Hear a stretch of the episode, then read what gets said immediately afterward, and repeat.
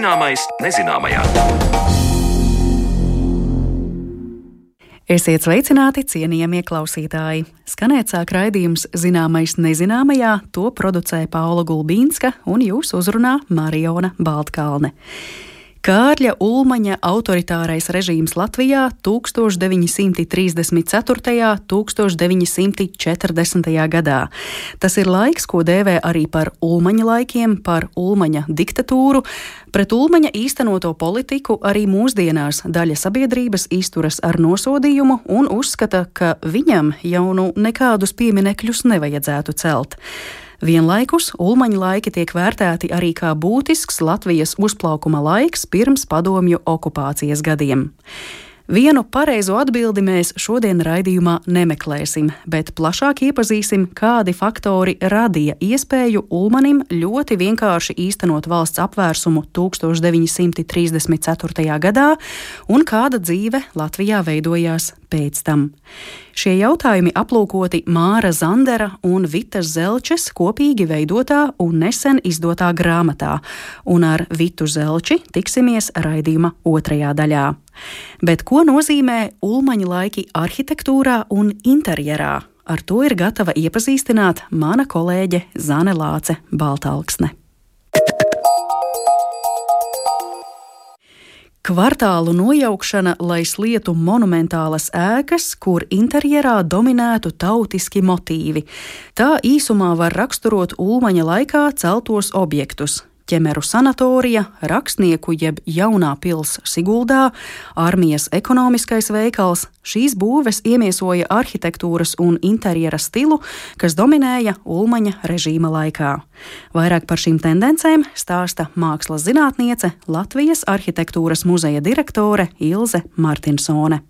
Nereti vien Ulmaņa valdīšanas laikā esošo stilu arhitektūrā, mākslā, interjerā un dizainā mēs dēvējam par tautisko art deko, bet šī tendence sākās krietni agrāk par 1934. gadu, kad pie varas nāca Kārlis Ulmanis. Šis stils sākās pēc Pirmā pasaules kara, kad izveidojās virkne jaunu valstu, kurām bija svarīgi parādīt savu nacionālo identitāti. Tā kā tautisko rakstu motīvi bija modē jau pagājušā gadsimta 20. gados. Tā skaidro mana sarunu biedrene, mākslas zinātniece, Latvijas arhitektūras muzeja direktore Ilze Martinsone.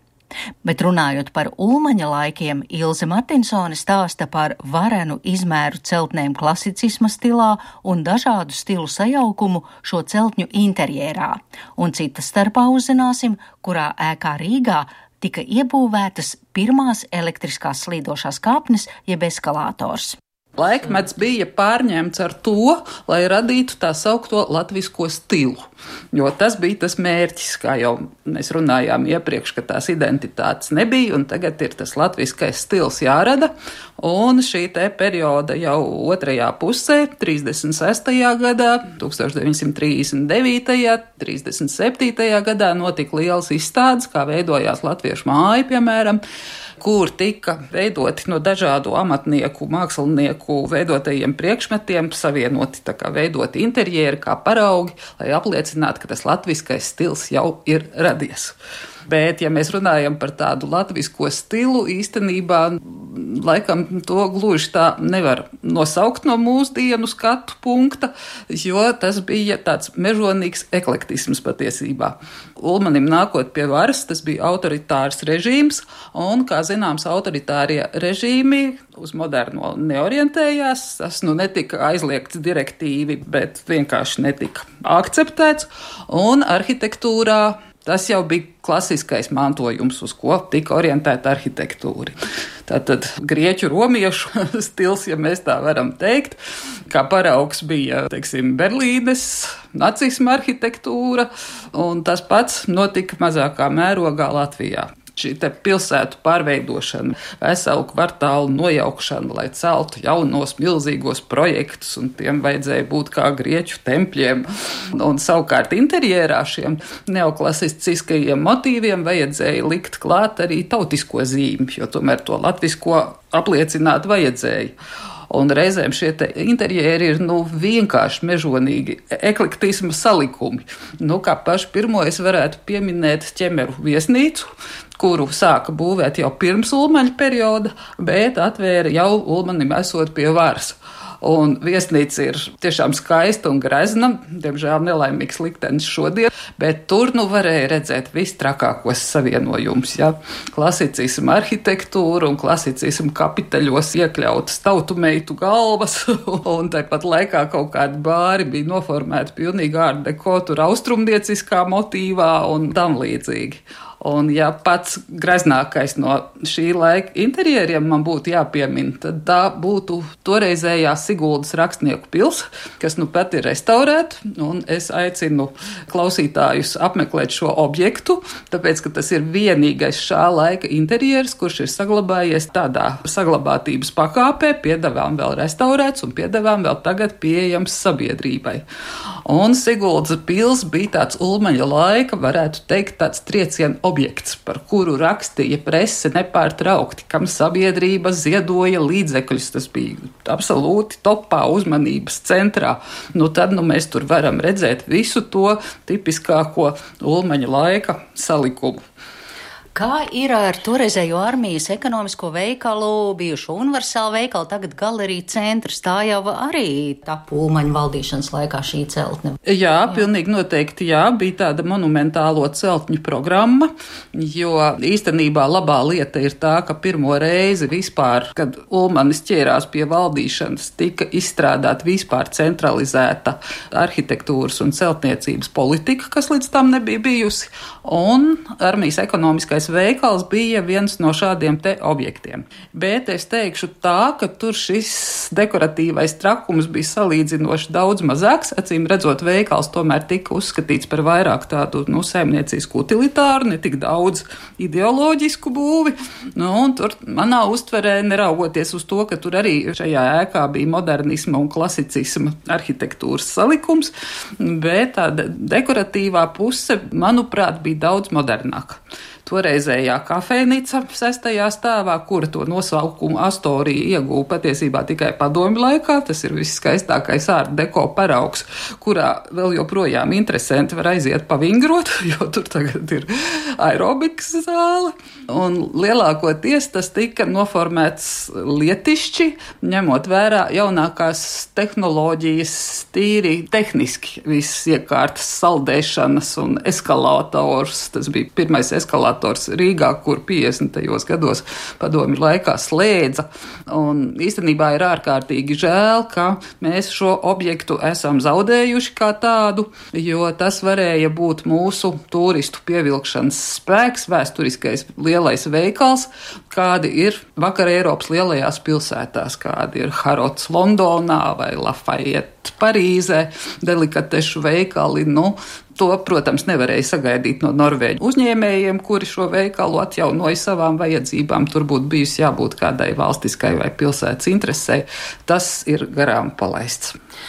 Ja mēs tagad skatāmies uz interjeru dizainu, tolaik pilsoņu mājokļos, man šķiet, vai nu atkal tajos žurnālos varēja redzēt, vai tad, kad mēs kļuvām brīvi un varējām braukt uz ārzemēm, es kā jauna meitene esmu viesojusies arī trimdas latviešu mājokļos, tad tur man šķiet, vai tur nav no tiem ulmaņa laikiem kalmītas rijas gleznotās pie sienas, lina sedziņas, svečturi koka dekoratīvi, keramika, vai, vai tas nāk no tā ulmaņa laikiem, vai tomēr ne?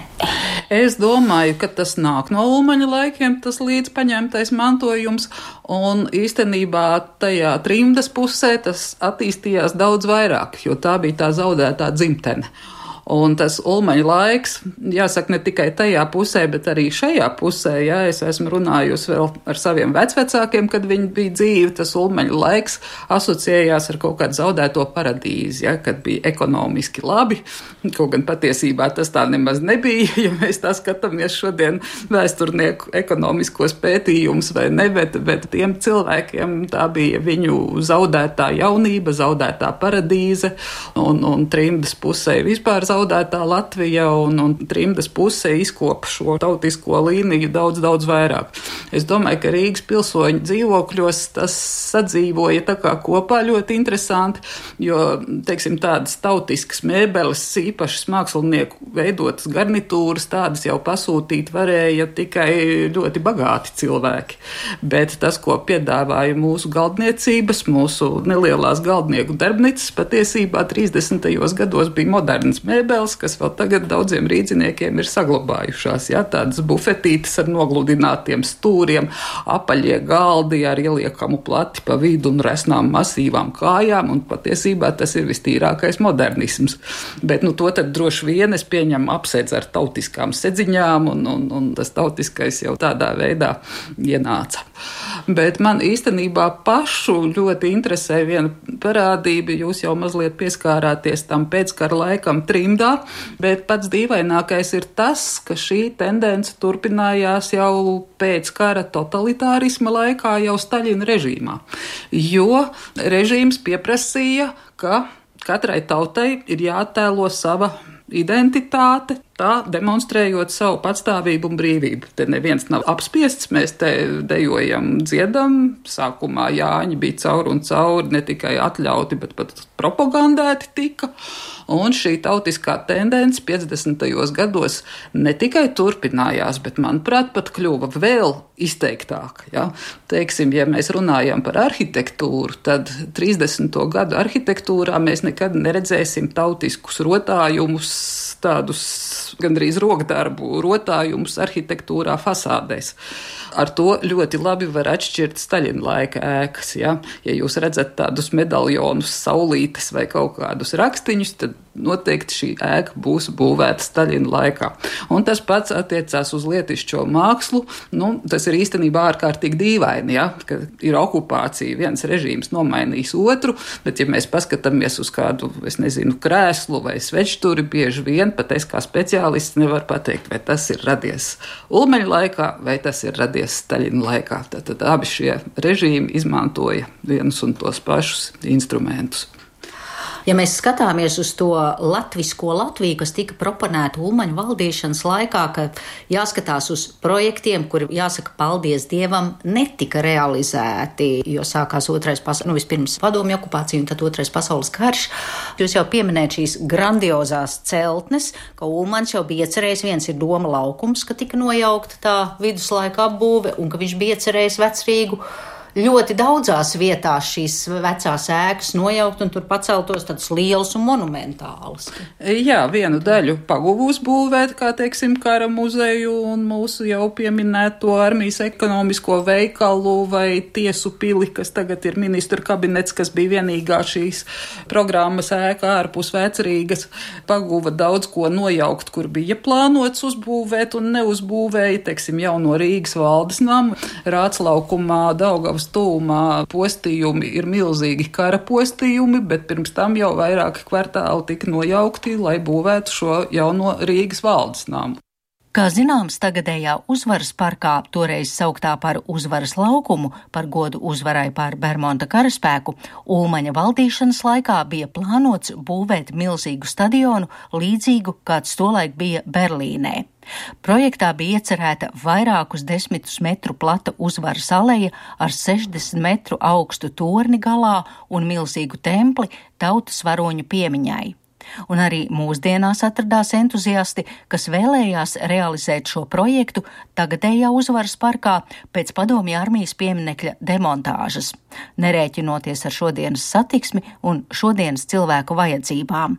Tā pabeidzot stāstu par valdošajām tendencēm arhitektūrā un interjerā Ulmaņa valdīšanas laikā, teica mākslas zinātniece un Latvijas arhitektūras muzeja direktore Ilze Martinsone.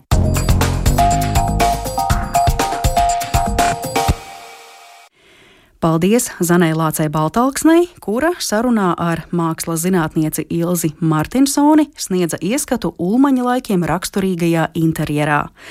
Patiesi, neviens cits latviešu politiķis nav izpelnījies tādu godu, ka viņa darbība tiktu saukta kā laiki, tātad ulmaņa laiki. Tā savulaik izteikusies profesore Vita Zelče, un ar viņu pēc brīža tiekamies raidījumā turpinājumā, runājot par ulmaņa laikiem veltītu jaunu izdevumu.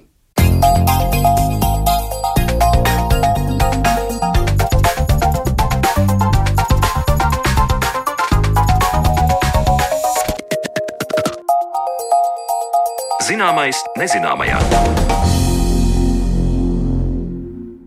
Eiropa pēc Pirmā pasaules kara bija laboratorija virs bezgalīgas kapsētas. Tā nesen iznākušajā grāmatā Ulmaņa laiki Latviju autoritārisma īpatnības raksta grāmatas viena no autorēm Vita Zelče. Šis ir jaunākais Sija Aminorī izdevums un arī iepriekš izdotās grāmatas šajā sērijā par dažādiem vēstures posmiem Latvijā kļuvušas lasītāju iecienītas. Ulmaņa laiki - demokrātijas iznīcināšana vai atbrīvošanās no nespējīgas valsts iekārtas, cenzūra, kas nogurdina, vai tomēr zaudētā paradīze, pēc kuras ilgoties tālākajos padomju okupācijas gados. Jauno izdevumu šodien mēs iepazīsim kopā ar vienu no grāmatas autoriem, Latvijas Universitātes Sociālo zinātņu fakultātes profesori Vitu Zelči, kuru es sveicu zināmais nezināmajā studijā. Labdien! Labdien! Varētu teikt, ka šī grāmata chronoloģiskā ziņā ir neliela pakāpšanās soli atpakaļ, jo šajā grāmatu sērijā izdevums par vēlāku posmu, par padomju gadiem Latvijā jau ir tapis, un iespējams pētniecība par viena cilvēka režīmu, tātad ulmaņa periodu, ir sarežģītāka nekā mēs varētu iedomāties, un galu galā nevar jau arī teikt, ka ulmanis visu dara pilnīgi viens. No šī pētnieciskā viedokļa, cik viegli vai grūti ir aizrakties līdz ulmaņa būtībai, viņa domāšanai, viņa rīcībai. Šis nav klasisks pētījums, šī nav monogrāfija, bet tomēr pētīt ulmani, nu, droši vien ir nācies, lai atbildētu uz Māra Zandera jautājumiem šajā grāmatā. Jā, jautājumi ir tas eh, pats būtiskākais, kas raksturo šo grāmatu, jo uzreiz eh, jums piekritīšu un arī vēlreiz atrunāšu to, ka šī nav zinātniskā monogrāfija. Šī grāmata ir tas, ko mēs ļoti precīzi varam nosaukt par zinātnes komunikācijas produktu. Proti, tās ir sarunas, refleksijas pār jau iepriekšējiem pētījumiem, par kontekstu, par pagātnes laikmetu un šo laikmetu, kā mēs to saprotam, kas varētu sabiedrību interesēt, kas varētu būt mums svarīgs un vērtīgs tieši šajā laikā. Par sevi es teiktu to, ka pār ulmaņu laikiem es vairāk interesējos vairāk nekā desmit gadus atpakaļ, un tāpēc arī Aminori uzaicinājums iesaistīties šajā projektā un runāt par šo laika posmu bija tāds, nu, teiksim, izaicinājums. Un no otras puses ļoti interesanti, tāpēc, ka pārlasot arī savus, savu studentu, savu kolēģu rakstītos tekstus pirms nu, jau laba laika posma, daudz ko var ieraudzīt eh, nedaudz varbūt savādāk, var ieraudzīt mūsu iepriekšējā darba vērtību un arī nu, kaut kādus trūkumus vai līdz galam neizdomātas lietas, kuras jau daudz labāk palīdz saprast tieši šis laiks, arī eh, noteiktais laika konteksts, ko, protams, protams, veido Krievijas iebrukums Ukrainā. Bet vēlreiz es gribu uzsvērt to, ka Aminorī tiešām ir izvēlējies ļoti lielisku ceļu, veidot šos zinātnes komunikācijas produktus un šajā ziņā sasaistīt žurnālistus kopā ar pētniekiem un varētu teikt, ka tomēr tas galvenais grāmatas koncepts pieder Aminorī vai proti diviem cilvēkiem projektu vadītājai un vienlaikus žurnālistei Initai Saulītei Zanderei un žurnālistam Mārim Zanderam. Un viņi ir tie, kas virza.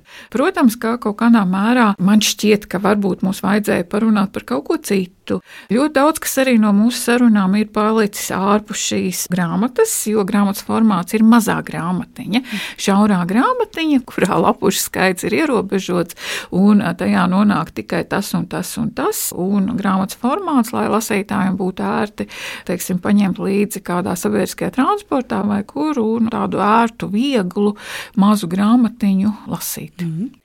Tad nu, par tiem pieturas punktiem, par kuriem jūs runājat šajā mazajā grāmatiņā, kurā tomēr man šķiet ir visai daudz. Arī būtiska vieta ir atvēlēta Ulmaņa 1934. gada 15. maija īstenotajam apvērsumam. Latvija nav vienīgā Eiropas valsts, eh, kurā notiek kaut kas tāds, un jau krietni agrāk, 1926. gada decembrī, apvērsums ir noticis Lietuvā. Demokrātiskas valdības vietā nācis Antana Smetonas autoritārais režīms, un vienā gadā ar Latviju, tikai martā, valsts apvērsumu Igaunijā īsteno politiķis Konstantīns Pets. Protams, arī viņam tur ir palīgi ģenerālis Laidoners un citi sazvērnieki. Mums mūsdienās joprojām patīk salīdzināt Baltijas valstis, un šajā gadījumā jautāšu, vai tas paņēmiens, kā Ulmanis, Smetona, Pets nāk pie varas, tas kardināli atšķiras, vai arī tas stils ir vienots?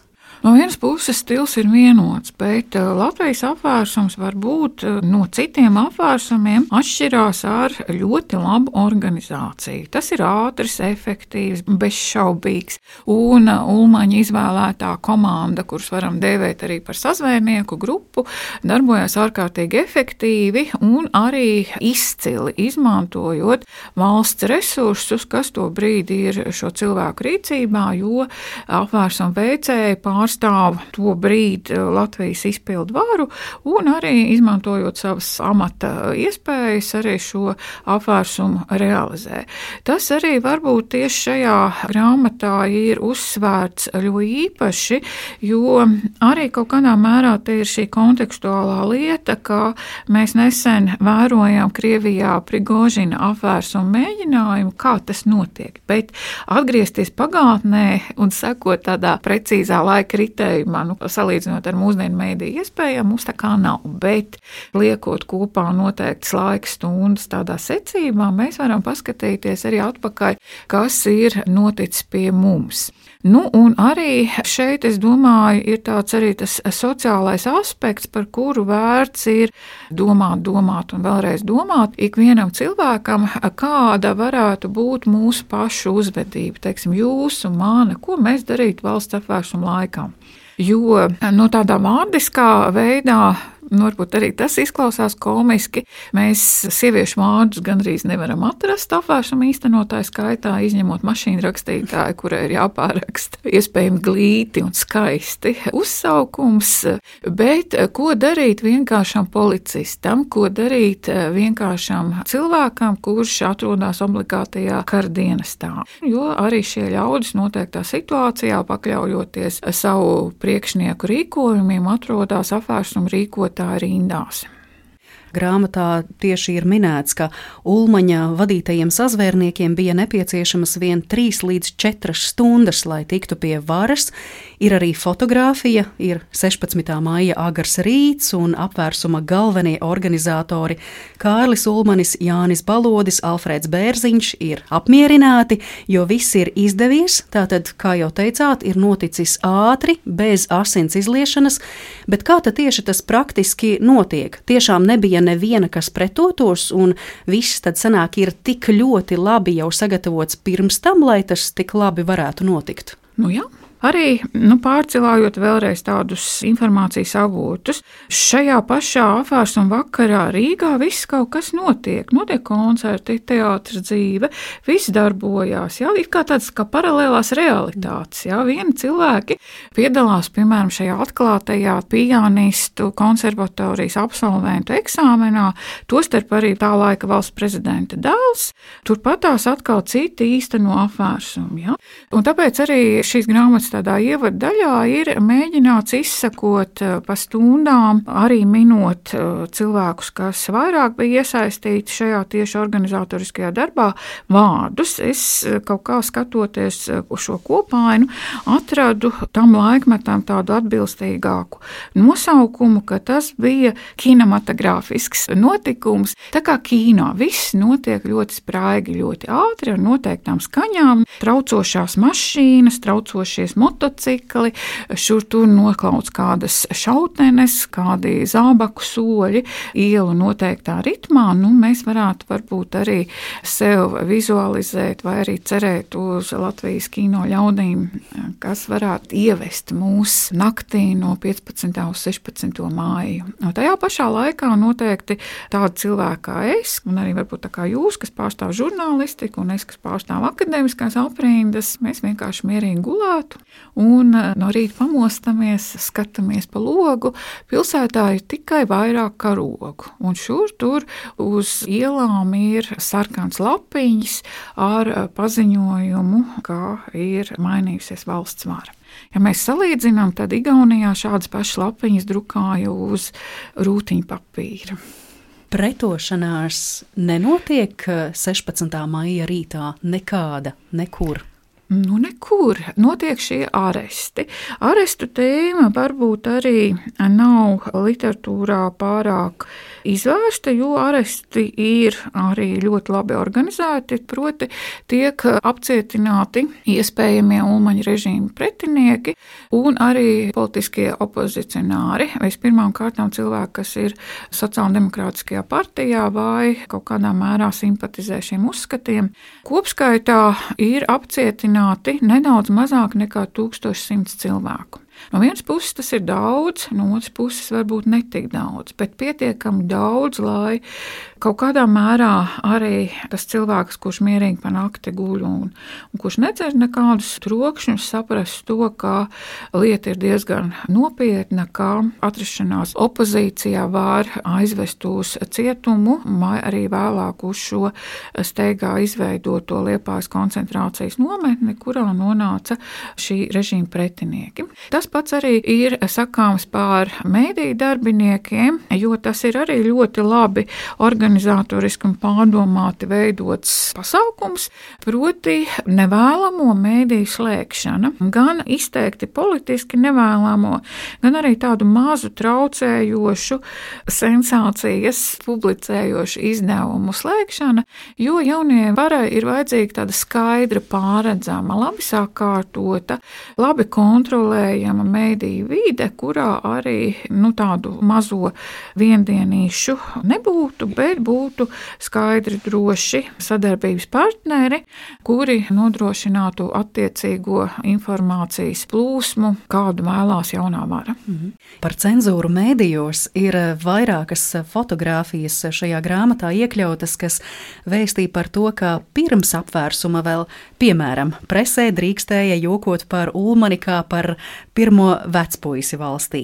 Tāpat laikraksts aizkulises ir bijis visai negants pret Ulmani, ir publicētas vairākas izsmejošas karikatūras par viņu, vai mēdīji vispār kaut ko stāstīja sabiedrībai par to, kas ir noticis 1934. gada 15. maija vakarā, naktī to stāstīja un ļoti labi stāstīja. Tas eh, lūzums varbūt nav uzreiz tik krass, jo arī vēl eh, šīs pirmās dienas, proti, mājā, tie preses izdevumi, kas eh, turpina iznākt, viņi darbojās šajā vecajā tradīcijā. Un proti, šis stāsts ir jādara iespējami interesants, jo tādu vēlās šī attiecīgā mēdī auditorija. Tie stāsti ir nu, diezgan dzīvi, arī ar teiksim, tādām arestu epizodēm, bet eh, pakāpeniski tomēr arī šis mediju saturs iegūst vienveidību, es teiktu, iemācās glancēt vāru tātad piešķirot šai varai noteiktu spožumu, veidojot to vēstījumu, ka mums Latvijai tā ir labākā dzīves iespēja, labākā versija, labākie ļaudis un tā tālāk. Bet, protams, kad ja mēs skatāmies tīri šo mediju vēsturi, šobrīd diezgan pieraduši, jau ilgstoši dzīvojot ļoti demokrātiskā iekārtā ar tomēr Nu, kā jūs, kā žurnālisti, ko jūs teikt par mediju brīvību un par cenzūras esamību? Tieši šobrīd man šķiet, ka tas ir jautājums, kas aizvien vairāk tiek aktualizēts. Cik brīvi mēs patiešām esam, lai izteiktos arī mākslā, starp citu, par cenzūru un par pašcensūru jau aizvien vairāk runā. Nu, arī jūs sākat attīstīt jau nākamo tēmu, bet uh, to brīdi ir varbūt arī tāds jautājums, kāpēc lielie mediju flagmaņi, šeit ir runa par laikrakstu jaunākās ziņas, proti par šo Beņāmiņu uzņēmumu, kā viņi vienkārši, vienkārši nokaupa no savas iepriekšējās pārliecību platformas un iesaidās varas piedāvātajā vilcienā, kas šajā gadījumā viņus turpina vest pārticības virzienā, bagātības virzienā, ietekmes virzienā. Nu, kur tad tas viss palika? Ko tas nozīmēja tā laika sabiedrībai? Bet, no, protams, no otras puses, jūs labi nocitējāt vienu šīs sarunu grāmatas atslēgas teikumiem, kas pieder Čehoslovākijas prezidentam un čehu sociologam Tomāšam Masārikam, ka visa Eiropa ir šī laboratorija virs bezgalīgās kapsētas, kur ir atstājis Pirmais pasaules karš. Demokrātija, tāpatās kā ļoti daudzas lietas, ir jaunums, pie kā sabiedrībai ir jāpierod, kas agrāk nav bijis šīs sabiedrības dzīves praksē, jo ir dzīvot carismā, ir dzīvots militāro konfliktu situācijā. Nu, tāpēc arī varbūt šī aizbēgšana no šī svešā nezināmā, vēl nepieradinātā, proti, šīs demokrātijas gan valsts iekārtā, gan mēdījos, notiek tik efektīvi, žigli, bez protestiem, jo iespējams, ka tādā varas paspārnē ir arī šim mazajam cilvēkam dzīvot daudz vienkāršāk nekā būt pilnīgi atbildīgam par savu dzīvi un pašam pieņemt lēmumus pilnīgi pār visu. Mm -hmm. Skārāt demokrātijas jēdzienu, un es to gribētu vēl mazliet attīstīt, jo, protams, mēs Ulmaņa autoritāro režīmu varam skatīt ne tikai salīdzinājumā ar pārējām Baltijas valstīm, bet vispār uz tā laika Eiropas fona, jo tādas autoritārās vēsmas un, protams, arī totalitārās vēsmas valda arī citvieta Eiropā. Tad sanāk, ka šīs ulmaņa režīms Latvijā tā ir tāda neizbēgamība un sekošana modei, vai arī tiešām tā demokrātiskā iekārta Latvijā nu ir tik vārga un cilvēki tai netic tik lielā mērā, ka Ulmanis un citi saredz šo autoritāro režīmu kā tiešām jēgpilnu risinājumu. Labs vārds ir neizbēgamība, uz kuru, protams, nav varbūt tādas skaidras atbildes. Tā varēja būt izbēgamība. Nekas jau Latvijas sabiedrībai nelika nosvērties par labu autoritāram režīmam. Jā, protams, tā bija pasaules tāda modes tendence. Latvija bija jauna valsts, arī Latvijas politiskā elite ir jauna parādība, un acīm redzot, tā sekošana lielajai pasaules politiskās modes traumēm bija pārāk vilinoša, un attiecīgi šīs viens grupējums izmantoja iespēju iegūt vāru. Proti, tas ir šis cilvēku grupējums, kas veidoja Kāļu Ulmaņu šo komandu, bet es nekādā ziņā negribu teikt, ka tā bija neizbēgamība. Bet tas ir tas punkts, par kuru arī šī grāmata runā ar tādu nolūku, padomājiet paši, kas mums ir izbēgams, kāda ir mūsu iespēja iesaistīties valsts procesos, jo mums tāpatās kā tiem 20. gadu, 30. gadu sākuma cilvēkiem, mums ir šī, šī balss, mēs tāpatās esam vēlētāji un mēs ejam un deleģējam delegējam varu noteiktiem politiskajiem spēkiem. Protams, ir arī dažādas citādas iniciatīvas mūsdienās, ar kurām mēs varam ietekmēt. Nu, tas izklausīsies ļoti didaktiski vai ļoti pamācoši, ka paskatāmies uz šo 34. gada Latviju un padomājam, kādas ir mūsu pasivitātes, nelīdzdarbošanās sekas. Izklausās tiešām tā ļoti skolmeistariski, bet jā, nu, skatāmies. Un tāpēc arī otra lieta, kas man lika arī domāt par šo pasivitāti un par cilvēku, ir, teiksim, cilvēka izglītotība. Es negribu varbūt lietot vārdu izglītība, bet tieši šī izglītotība, ko dod, teiksim, cilvēka saskarsme ar informāciju, ar pašizglītošanos, ar mēdīju lietošanu, tieši tas, ko šobrīd mēs varbūt arī apzīmējam mūsdienu terminoloģijā ar vārdu medīpratība, kā mēs strādājam ar informāciju un šo informāciju izmantojam priekš savas dzīves. Mm -hmm.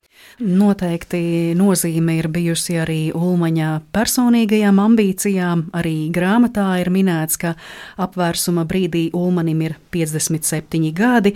Viņš ilgi un pamatīgi ir strādājis politikas laukā, bet tādu īstu atzinību nav saņēmis. Par valsts prezidentu viņu taču neievēlēja, bet atzinību tomēr gribas. Tā ka nevar izslēgt arī Ulmaņa varaskāri, lai īstenotu apvērsumu. Bet pēc apvērsuma vadonis tātad ir Ulmanis, bet prezidents joprojām ir Alberts Kviesis. 1935. gadā, kad tiek atklāts brīvības piemineklis, uzrunu saka valsts prezidents Alberts Kviesis, un savā amatā viņš paliks vēl veselu gadu, un pēc tam par prezidentu sevi pasludinās Kārlis Ulmanis. Kā šāda vadoņa un prezidenta līdzās pastāvēšana bija iespējama. Kviesis pretojās, viņam nepatika varbūt kaut kas. Nē, viņam viss patika. nu, jā, nu, mēs varam, protams, teikt, ka viņam varbūt nepatika, bet viņa politiskā uzvedība neliecina par to, ka viņam kaut kas nu, tiešām kaut kas nebūtu paticis. Un tas ir arī nu, vēl viens aspekts, kā mums skatīties uz politisko eliti kopumā. Nu, šobrīd, protams, ja mēs skatām Latviju, tad mums ir tāda varbūt ļoti dalīta vāra. Mums ir prezidents ar noteiktām pilnvarām, ministrs prezidents, saima. Ja? Varbūt tās ir kaut kādā mērā tādas ļoti attālas kontekstuālās mācības no tā laika, ko nozīmē varas varas koncentrācija vienās rokās un lēmumu pieņemšana pār visiem valsts iedzīvotājiem ļoti šaurā lokā, bet arī, protams, kā tas ir jautājums par cilvēku uzdrīkstēšanos un drosmi godīgi pildīt savus amata pienākumus. Es nevaru izskaidrot, es varu tikai varbūt vairāk aprakstīt vai sašust par tā laika valsts prezidenta kvieša rīcību vienaldzību un arī, es gribētu teikt, negodīgu amatu pienākumu izpildi noteiktā situācijā, jo priekšroka tika dota tai cilvēku grupai, kas pārkāp valstī spēkā esošos likumus, nevis valsts prezidents aizstāvēja satversmi un citus spēkā esošos tiesību aktus varbūt pats baidījās par to, ko dabūs pretim, ja aizstāvēs. Nu, savā veidā varētu salīdzināt Kviesi un Antonu Beņāmiņu. Vienam tā tad ir galvenā teikšana mediju laukā, otram ir tomēr valsts reprezentanta funkcijas, un šīs ļoti ietekmīgās personas rīkojās vienādi. Es tieši varētu šo domu attīstīt, runājot par vadoņa kultu un klanīšanos Ulmanim, jo grāmatā arī ir ietvertas fotogrāfijas, kur Ulmanis dodas uz laukiem, smaida cilvēkiem māju roku. Šis kults pat tiešām iesēžas cilvēku prātos, un viņi to dara labprātīgi. Es teicu, ka liela nozīme taču bija arī propagandai propagandai noteikti sociālpsiholoģiskiem faktoriem, kurus iespējams vajadzētu mēģināt vēl analizēt un arī interpretēt. Jo arī grāmatā ir šis teikums, varbūt tā kā palicis, kā es saku tādas savas izjūtas, kuras man dara viens Latvijas valsts vēstures arhīva fonds, proti šis valsts prezidenta fonds, kurā ir vairākas mapes ar šiem ulmaņu pagodinājuma tekstiem. Un tieši tā daļa, kur ļaudis parakstās. Tas nozīmē, ka principā katrs cilvēciņš tiecās atstāt uz kāda dokumenta, uz kāda šī, šī izvērsuma, ko iesniedz viņa darba vieta, vai tā organizācija, kurai viņš pieder, vai cilvēks individuāli vai kopā ar kādu līdzdomātāju grupu cenšas kaut ko uzrakstīt, uzzīmēt, noformēt un aiznest prezidentam. Jautājums, kāpēc? Un tas saucamais paradoks, tikko jūs paši jokojāt par to pašu Ulmani un viņa draugiem, un tagad jūs goddevībā noliecat savas galvas un piedalāties tādā goddevības parakstu sacensībā. Mm. Šobrīd man visu laiku sanāk atgriezties pie sociāla psihologa Ērika Froma, kurš mēģināja, skatoties uz nacistiskās Vācijas piemēru, analizēt tos faktorus, kāpēc cilvēki atsakās no brīvības. Vairāk arī uzsverot to, ka brīvība individam ir smaga nasta dažkārt jo tiešām viss ir jādara pašam. Tāpēc ir varbūt svarīgi tie faktori, kas cilvēkam tomēr ļauj būt pašam.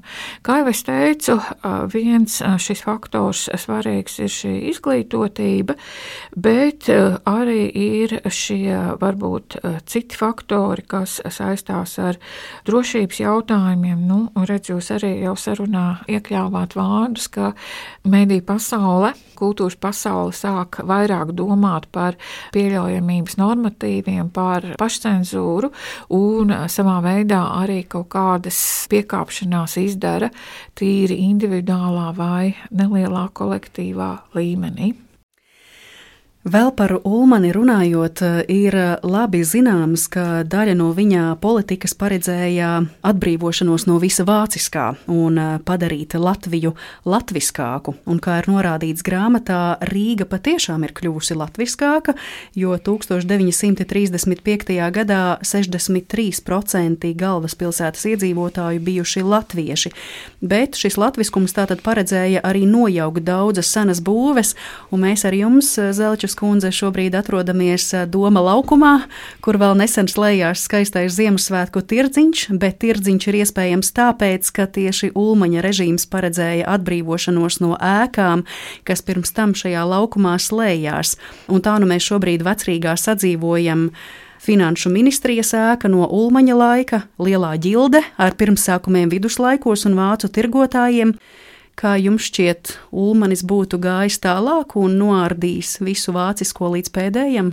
Uh, jā, Jo jāsaka, gan šis vāciskā ārdīšana, gan arī tas, ka ikviena autoritārā vara, kā arī to liecina Eiropas un arī Padomju Savienības pieredze, tieši pilsētas ar uh, savas arhitektūras palīdzību rāda par uh, savu lielu monumentu.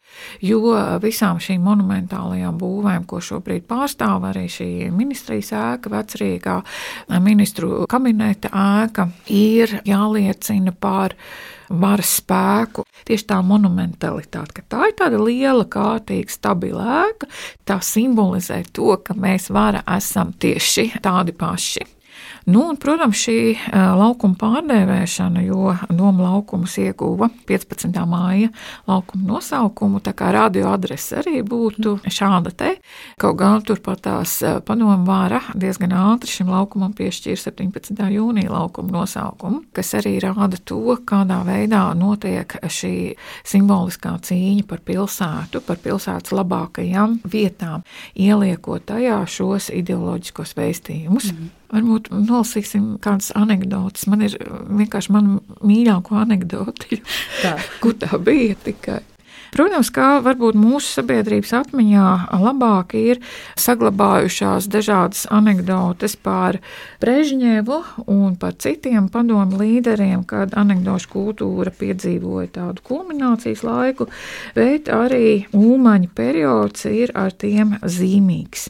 Tagad divas anekdotas, ja drīkst. Tas ir saistībā ar šo Rīgas pārveidi un ar vecrīgas ēku nojaukšanu.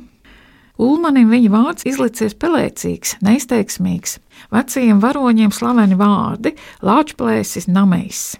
Kāds Ulmanim ieteicis, darinot sev jaunu vārdu, ņemt no namēja vārdu pirmo pusi un no lāčplēša vārdu otro pusi, iznāk namplēsis. Tā arī notika. Jā, un vēl ir šīs anekdotes, populāras anekdotes par Ulmaņa publisko tēlu, par viņa vēlmi fotografēties, par to, ka Ulmans viskaut kur laikrakstos, avīzēs, kino kronikās ir uzmanības centrā, nu, kur fotografējās, tur arī Ulmanis dodās. Tātad šī vājība tika labi pārcelta dažādos anekdošu stāstos, bet mana mīļākā anekdote ir šī te izsludināta sacensība gaišā alus nosaukuma izdomāšanai. starp citām iesūtītām propozīcijām kuldīga. Kādai taisni kuldīga? Kādai kuldīga var uzvarēt Ulmaņa varas laikā alus nosaukumu sacensībā? Tā, kuldīga. Kādreiz vecais nosaukums Goldingene. Domājat, aplami? Pilnīgi kaut kas. Jā, tagad jūs ejat Ne tajā ne virzienā. tajā virzienā. Bet man kuldīga ar alu vispār nesas. Jā, bet, bet uh, alum kuldīgi dēr. Nu, tātad tas būtu saīsinājums, abreviatūra sauklim. Kārlis Ulmanis, lai dzīvo ilgus gadus, aleluja. Pirmie burti - Kārlis Ulmanis, K, U un tā tālāk. Kārlis Ulmanis, lai dzīvo ilgus gadus, aleluja. Un uh, gaišais alus uh, atbilst iekārtai un uh, var uzvarēt sacensībā. bet uh, tad tas Labi, mums jāsaka, klausītājiem, uzrakstiet uz papīra vārdu kuldīga un izlasiet Kārlis Ulmanis, lai dzīvo ilgus gadus, aleluja. Tātad A burts pēdējais nozīmē aleluja. Skaidrs, to paturēt prātā, braucot uz kuldīgu. Bet tas ir interesanti, ka šādi stāsti vēl tomēr virmo un turpina cirkulēt pēc Jā, uh, priekš tam mums ir, nākšanas. ir folkloras krātuves, kuras glabā arī šādas vērtības. Bet visbeidzot, mēs jau pirmīt pieminējām padomju okupācijas laiku, kad eh, Doma laukuma nosaukums atkal mainās. Nāk tātad 1940. gada 17. jūnijas Ulmaņa runa radio. Radio spēku Ulmanis jau ir savā režīma laikā apzinājies, un tad um, pēc padomju okupācijas atkal ir Ulmaņa runa radio ar vārdiem, kas šķiet mums visiem ir iesēdušies asinsritē un kaulos. Es palieku savā vietā, jūs palieciet savās vietās. Bruņota pretošanās tajā brīdī nenotiek. Ļoti bieži ir dzirdēts sakām, ka mēs jau nezinām visus apstākļus saistībā ar šo runu, ka varbūt Ulmanim tur ir ierocis bijis pielikts pie deniņiem, un tāpēc viņš ir pateicis šādu runu. Varbūt viņš tiešām naivi ir ticējis, ka viss atrisināsies labi, bet varbūt viņš patiesībā ar Maskavu ir sadarbojies. Kurai versijai jūs sliecaties piekrist? Nu, es nevaru sliekties piekrist kādai versijai. Mums tiešām nav informācijas. Es varētu, protams, teikt eh, tos vārdus, kurus daudzi pētnieki saka mūsdienās, cerībā uz režīmu maiņu Krievijas federācijā un cerot uz to, ka tur esošie vēstures dokumenti nav iznīcināti, ka iespējams kaut kad, kaut kad, kaut kad kaut kādus šādus faktus mēs eh, varēsim precizēt. Bet varbūt arī šādai precizēšanai tādās lielās līnijās pat nav tik liels svars. Es gribētu šo pašu pēdējo politisko kursu salīdzināt ar dreifēšanu uz ledus gabala, atgādināt visiem mums labi zināmo stāstu, ko piedāvāja Rudolf Blaumanis nāves ēnā. Iztēlojamies, mēs visi esam uz viena ledus gabala, vienam zirgs, citam vairāk sviestmaizes, citam mazāk, un šī nezināmā nākotne. Un tāds arī bija tas pēdējais valsts politiskais kurs, kuru izvēlējās Ulmanis un viņa komanda. Mēs dreifēsim. Ir skaidrs, ka pasaulē ir karš. Mēs nezinām, kas eh, gaida nākotnē. Nu, politiskā elite zināja Molotova-Ribbentropa pakta slepeno protokolu saturu, kā vēsta, piemēram, Vācijas sūtņa eh, krieviņa liecības un arī citas liecības, bet mēs dreifēsim. Mēs visi esam uz ledus gabala. Iespējams, kādas siltākas traumas šo ledus gabalu izkausēs ātrāk, iespējams, ka to vējš iepūtīs ledus zonā un tas varēs gadiem pastāvēt. Iespējams, šim ledus gabalam piebrauks kāda laiva un izvedīs malā. Protams, ir varbūt šis jautājums par to, vai Latvija varēja pretoties vai nevarēja pretoties. Tas ir tas jautājums, kas arī liek vēlreiz domāt par autoritārismu. Proti lēmumus par to, kā Latvija ir visai nolaidīga savā aizsardzības politikā, pieņēma maza cilvēku grupa, un tāpatās arī šis lēmums brīvi ielaist Padomju Savienības karaspēku arī tika izlemts ļoti šaurā lokā, un tas vienmēr liek uzdot šo jautājumu, vai demokrātiskā Latvijā būtu bijis tāds pats scenārijs, vai tomēr šī diskusija vismaz saimā būtu piešķīrusi Latvijai citu vēstures scenāriju. Mm. Jā, līdz ar to šie ulmaņa laiki patiešām ir ārkārtīgi daudzšķautņaini. Jūs agrāk esat kādā citā rakstā minējusi, ka ulmaņa laiki latviešu kolektīvajā atmiņā mūsdienās jebkurā gadījumā simbolizē zaudēto paradīzi, un neviens cits latviešu politiķis nav izpelnījies tādu godu, ka viņa darbība tiktu saukta kā laiki, tātad ulmaņa laiki. Arī pēc Latvijas neatkarības atgūšanas Ulmaņa portrets ir nonācis uz pastmarkas, ir radītas piemiņas vietas, tostarp arī 2003. gada 22. jūlijā, 63 gadus pēc Ulmaņa deportēšanas no Latvijas, viņam Rīgā ir atklāts piemineklis, protams, arī tas ir ticis kritizēts. Un grāmata, par kuru mēs runājām šodien, simboliski noslēdzas ar fotografiju. Ir 1940. gada jūlijas, tātad jau pēc padomju varas ienākšanas Latvijā, cilvēki izgājuši ielās, un uz viena no plakātiem rakstīts Nost Ulmani. Un tas ir tas laiks, kad mēs jau dreifējam uz ledus. Labu laiku jau dreifējam. Jā. Tā kā platforma pētniecībai droši vien vēl ir.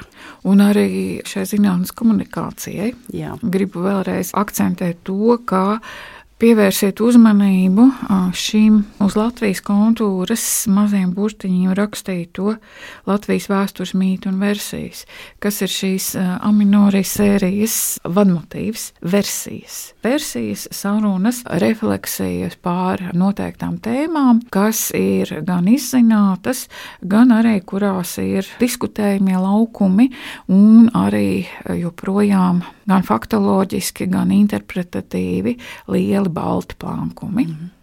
Lasiet, pētiet, domājiet, analizējiet un izdariet arī savus spriedumus, faktos balstītus.